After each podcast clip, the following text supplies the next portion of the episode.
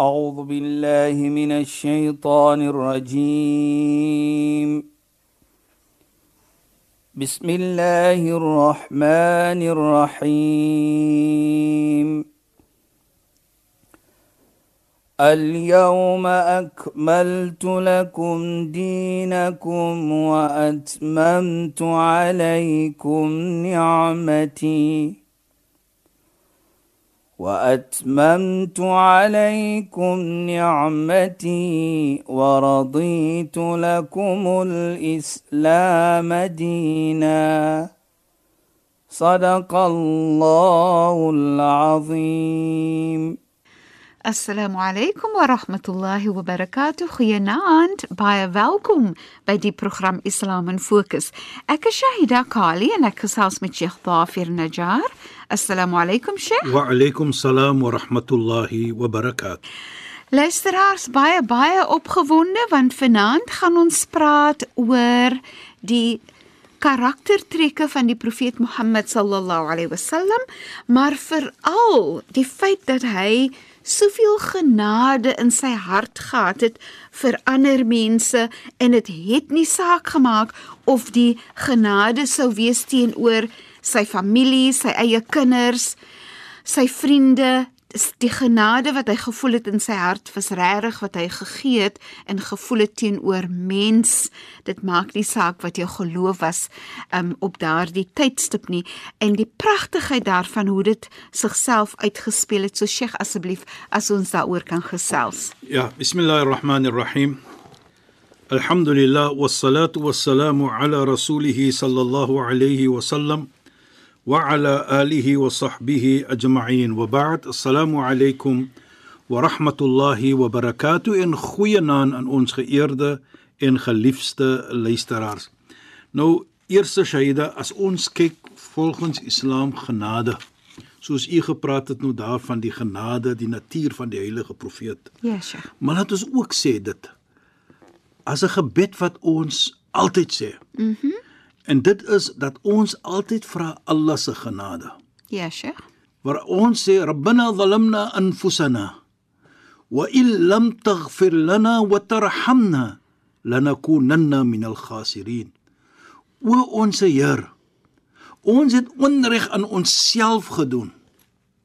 En as U, o Allah, nie vir ons gaan vergewe nie, En as U, o Allah, nie vir ons gaan genade toon nie, daar kom die woordjie genade in. Waarlik waar gaan ons wees van die verlore mense. Nou hier sien ons dan die gebed sê as U nie vir ons gaan vergewe nie, dan stop hy nie daar nie. Maar jy vra ook vir genade. Al het hy jou vergewe, maar jy vra ook vir die genade om vir ons te laat verstaan die belangrikheid van genade in ons samelewing ook. En natuurlik hier praat ons oor die genade en ons gaan nog verder praat natuurlik van die heilige profeet Mohammed sallallahu alaihi wasallam. En ek gaan so begin Shahida vanaand met 'n storie wat gebeur het in sy tyd. Goed. 'n Storie wat vir my persoonlik wys dat waarlik waar as jy genade toon vir mens, dit maak nie saak wie daardie mens is nie en watter geloof daardie mens het nie. Genade, soos ons sê, vra nie vir geloof nie. Ja, sure. So genade vir almal. Want Islam preek dit dat ons moet genade toon vir alles, vir diere, vir plante, vir omgewing, vir mens. En ons begin met 'n storie van Sayyidina Umar radhiyallahu anhu. Sayyidina Umar na die profeet se dood het hy die tweede leier geraak na Sayyidina Abu Bakr. Hy was 'n vriend van die heilige profeet ook natuurlik. Hy sê: "Bainama ana jalisu fil Madina dhat al-yawm." Hy sê toe ek eendag sit in Madina. Nou Madina weet ons daar wat die heilige profeet Ons gaan praat 'n bietjie van dit ook wat hy gereis het van Mekka, hoe die situasie gewees het in Mekka. Yes, toe reis hy Medina toe natuurlik om te gaan bly daar. En Sayyidina Umar sê toe ek nog so sit eendag in Medina, sien ek 'n persoon by die naam van Thamama. Hy kom en hy's bekend as 'n vyand van die heilige profeet. Hy kom van 'n area wat bekend staan as Yamama daardie tyd. En hy was ken tussen die vriende van die heilige profeet as 'n persoon wat die heilige profeet baie haat. Hy kom Madina toe. Nou kyk net, Shaida vir my was so wonderlik is hier. Hy het daardie soos ons sê the guts mm -hmm. om Madina toe te kom en almal ken vir hom hy's 'n vyand van die heilige profeet. Ja, Sheikh. Sayyidina Umar sê ra'aytu dakhil al-Madina wa ma'hu sayf. Ek sien hy kom in Madina, die stad en hy dra 'n swaard in sy hand. Mhm. Mm en toe Sayyidina Umar dit sien, sê Sayyidina Umar radhiyallahu anhu, "Ila aina? Waar gaan jy?" So hoor wat sê hy. In publiek en oop hy sê, "Ana adhhab ila Muhammad." Ek gaan na Muhammad, die heilige profeet. Hoekom? Li aqtulahu, ek wil vir hom doodmaak. So sy kom in Madina. Hy het gekom met die doel om die heilige profeet Mohammed sallam dood te maak. Soos hy nou sê, hy hy sê dit openly. Ja. Wat doen Sayyidina Umar toe met hom? Natuurlik, ons ken vir Sayyidina Umar radhiyallahu an. Hy was 'n man wat baie lief gewees het vir die heilige profeet. En hy was 'n man wat 'n sterk man gewees het. Sayyidina Umar vat hom en hy maak hom vas in 'n pilaar in Medina. Sommige sê is in die mosk van die heilige Nabi Muhammad sallam. En na dit toe gaan Sayyidina Umar na die heilige profeet om vir hom te sê wat die man het 'n swaard in sy hand en sy doel is om vir jou dood te kom maak. Soos hulle sê by the show of a finger the Nabi could have said maak hom dood. Ja. Man sê nou maar gaan nie leuen vertel. So wat gebeur toe Shaida en luisteraars? Wat die heilige profeet hoor wat sê nou Omar te sê het van Thamama wat kom om hom dood te maak. Die Nabi sallallahu alayhi die leier van die moslems daardie tyd, 'n profeet van Allah subhanahu wa ta'ala, van die Almagtige. Daar's 'n persoon wat kom hy wil hom doodmaak.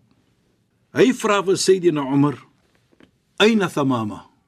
Waar is Thamama? Vat my na Thamama toe. Mhm. Mm Toe sê nou Omar vat die Nabi sallallahu alaihi wasallam na Thamama toe. Die persoon wat vir hom wil doodmaak. En soos die heilige profeet kom voor hom, soos ek weer sê, by the show of the finger, kan hy gesê het maak hom dood. Die heilige profeet kyk na sy gesig toe en hy sien sien die haat daar in sy gesig.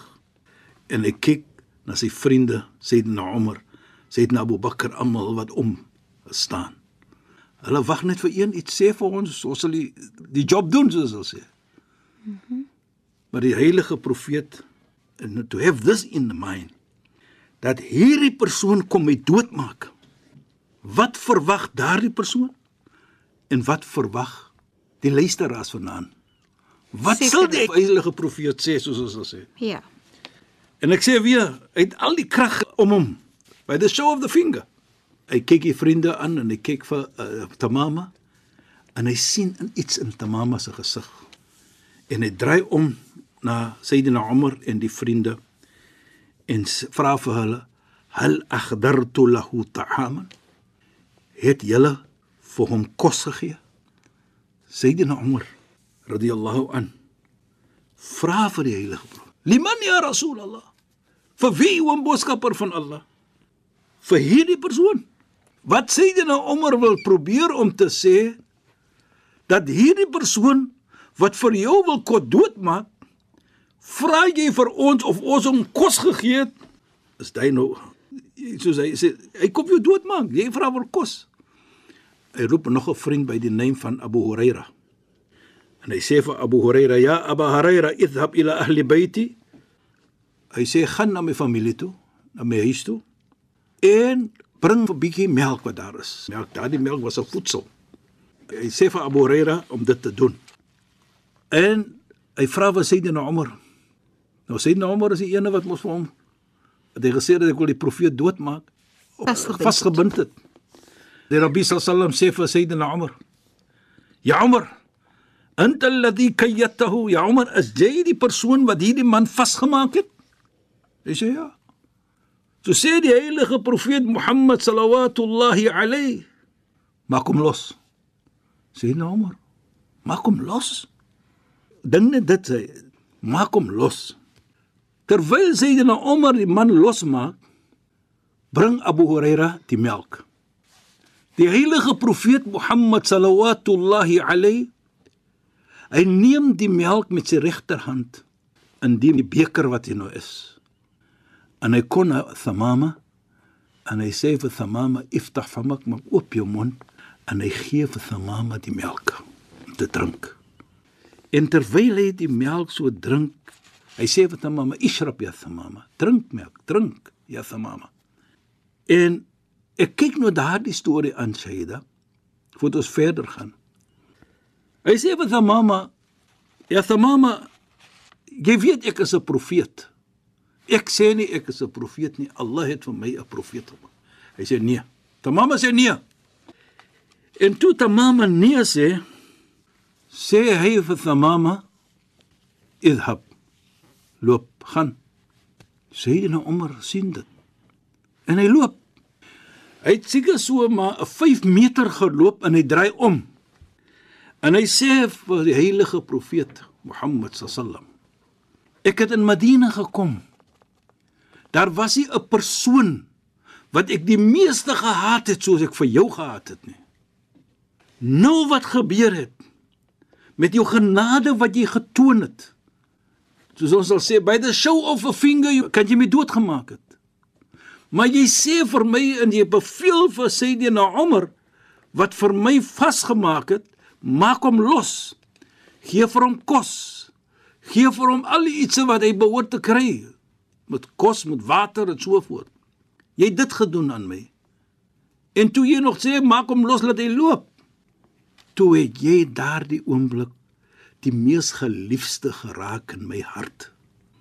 En ek sê nou vir jou ek dra getuie dat jy is waarlik 'n profeet van Allah Muhammad sallam. Ashhadu an la ilaha illallah. Toe sê die Nabi vir hom toe hy nou dit sê wat ek sê jy weet ek is 'n profeet. Hoekom het jy dit daardie oomblik aanvaar terwyl ek gepraat het saam met jou nie? Hoekom het jy geloop en weer teruggekom? Toe wat sê hy vir die heilige profeet? Hy sê vir die heilige profeet ek het dit gedoen daardie oomblik wat jy vir my dit gesê het, ek wil dit nie aanvaar dit nie dat mens kan dink ek het aanvaar deur ek bang gewees het. Jy het vir my vrygelaat en ek het geloop en ek het teruggekom.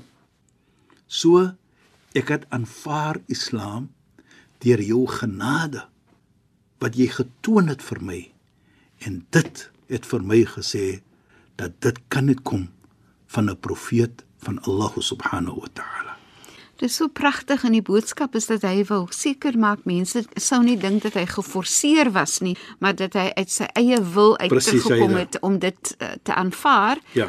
Dis regtig regtig pragtig, maar Sheikh, kan 'n mens nou dink van hoeveel sterkte van karakter neem dit om genade te toon aan die persoon wat jou die seerste wil Gem maak. Want die seerste wat iemand aan jou kan doen is om jou dood te maak. Presies, Shaida. Jy weet nog 'n storie wil ons vertel, Shaida. Ons het nou net begin met ons nuwe jaar as moslime. Ja, Sheikh. Nou wil ek net ook daardie sketsie neem gou, Shaida. Nou kan ons sien hoe die heilige profeet se natuur was. Ja, Sheikh. Dat is was nie net 'n situasie van ek is vandag so en môre is ek so nie. Nee, Ja. dit is wat Islam sê. En dit is die storie wat ons sê voordat hy die reis aangeneem het na Medina van Mekka nie. Ja, Sheikh. In terwyl hy was in Mekka nou ek gaan nou net soos ons sê eh, probeer Verkort. verkort die storie. Toe kom die mense in Mekka bymekaar onder die leierskap van 'n persoon by die naam van Abu Jahl. Mhm. Mm nou wat sê hy vir hulle? Hulle roep van elke jong mens, sterk jong mens van elke stam wat daar gewees het. So 40, 50 van hulle. Toe hulle by mekaar kom en dit was als oor Mohammed sallallahu alaihi wasallam, oor die heilige profeet. Maar voordat hy die begadering begin, het die mense nog bymekaar geloop. En natuurlik op die agenda was Mohammed. Dis die agenda, niks anders dan nie. Sê ja ahlu Makkah sê hy. Inna li 'indakum raja qabla an tatanaqashu sha'n Muhammad. Hy sê vir hulle voordat julle begin wil ek net vir julle sê dat as julle gaan begin praat van Mohammed ek het net een soos ons sê een wish so almal sê wat is dit Abu Hakim arju an yakunu kalam fi shan Muhammad sirran. Ek het daardie verlange dat as jy praat van Mohammed laat dit wees in secrecy. Laat dit wees net sag praat. Hoekom? Hoor wat sê hy. Hoor wat erken die, die nommer 1 vyand van die heilige profeet van daardie tyd. Hatta la yasma ila Muhammad. Sodat die, die Heer van Mohammed nie hoor wat ons te sê het nie. Want dan sê hy, "Fayukhbiru Muhammad bima naqul qad hy vir Mohammed sê wat ons praat." Hy erken dat Allah hoor alles. Ja. Kyk hoe mooi. Interessant, né? En hy's 'n vyand. Ja. So daar's iets gebeur van tevore. Ja.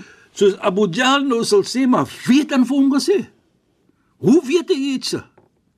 Hier erken hy dat as jy te hard gaan praat, dan gaan Mohammed se Heer hoor wat hy sê en hy gaan vir, Mohammed sê.